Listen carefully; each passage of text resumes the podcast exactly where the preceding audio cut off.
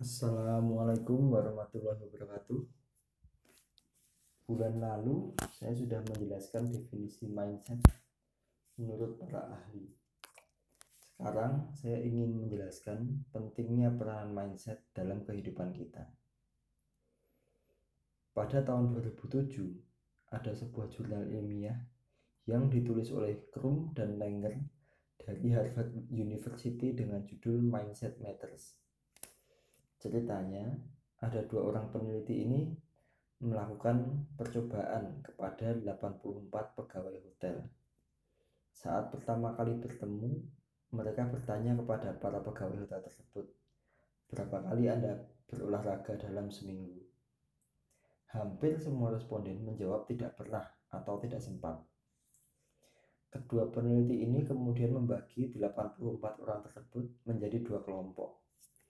Kelompok pertama, mereka diberitahu bahwa pekerjaan yang mereka lakukan sudah bisa dihitung sebagai olahraga. Kelompok kedua tidak diberitahu hal tersebut. Kemudian mereka semua melakukan pekerjaannya seperti biasa. Bedanya, hanya satu kelompok punya kewasan baru, sedangkan kelompok lain nggak dikasih tahu.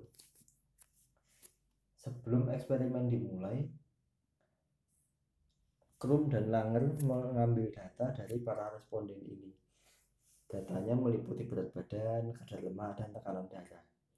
Setelah empat minggu masa percobaan, kelompok pertama menunjukkan perbaikan yang signifikan. Berat badan mereka turun, kadar lemaknya turun, dan tensinya jadi normal. Sementara kelompok kedua tidak ada perubahan apa pun. Mereka yang tidak dikasih tahu ini nggak ada perubahan baik di berat badan, kadar lemak maupun tekanan darah. Nah, oleh karena itu, penting bagi kita untuk terus-menerus belajar dan menumbuhkan mindset yang positif. Bagaimana caranya mengembangkan mindset yang positif? Pertama, kita harus bisa mengubah self-talk menjadi lebih positif. Katakanlah hal baik kepada diri sendiri, apa pun yang terjadi. Kalau gagal, katakanlah bahwa ini kesempatan untuk belajar. Kalau disakiti, katakan bahwa ini kesempatan untuk latihan sabar.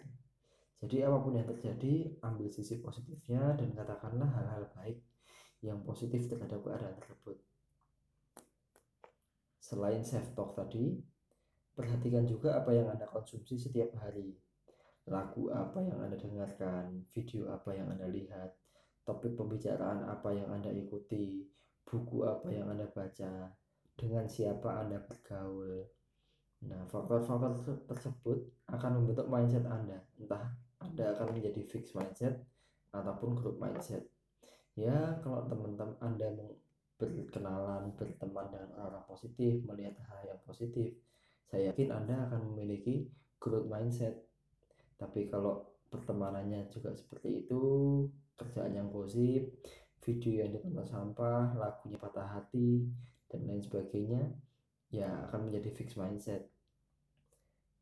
Oke, sekian dulu podcast kali ini. Semoga bermanfaat. Wassalamualaikum warahmatullahi wabarakatuh.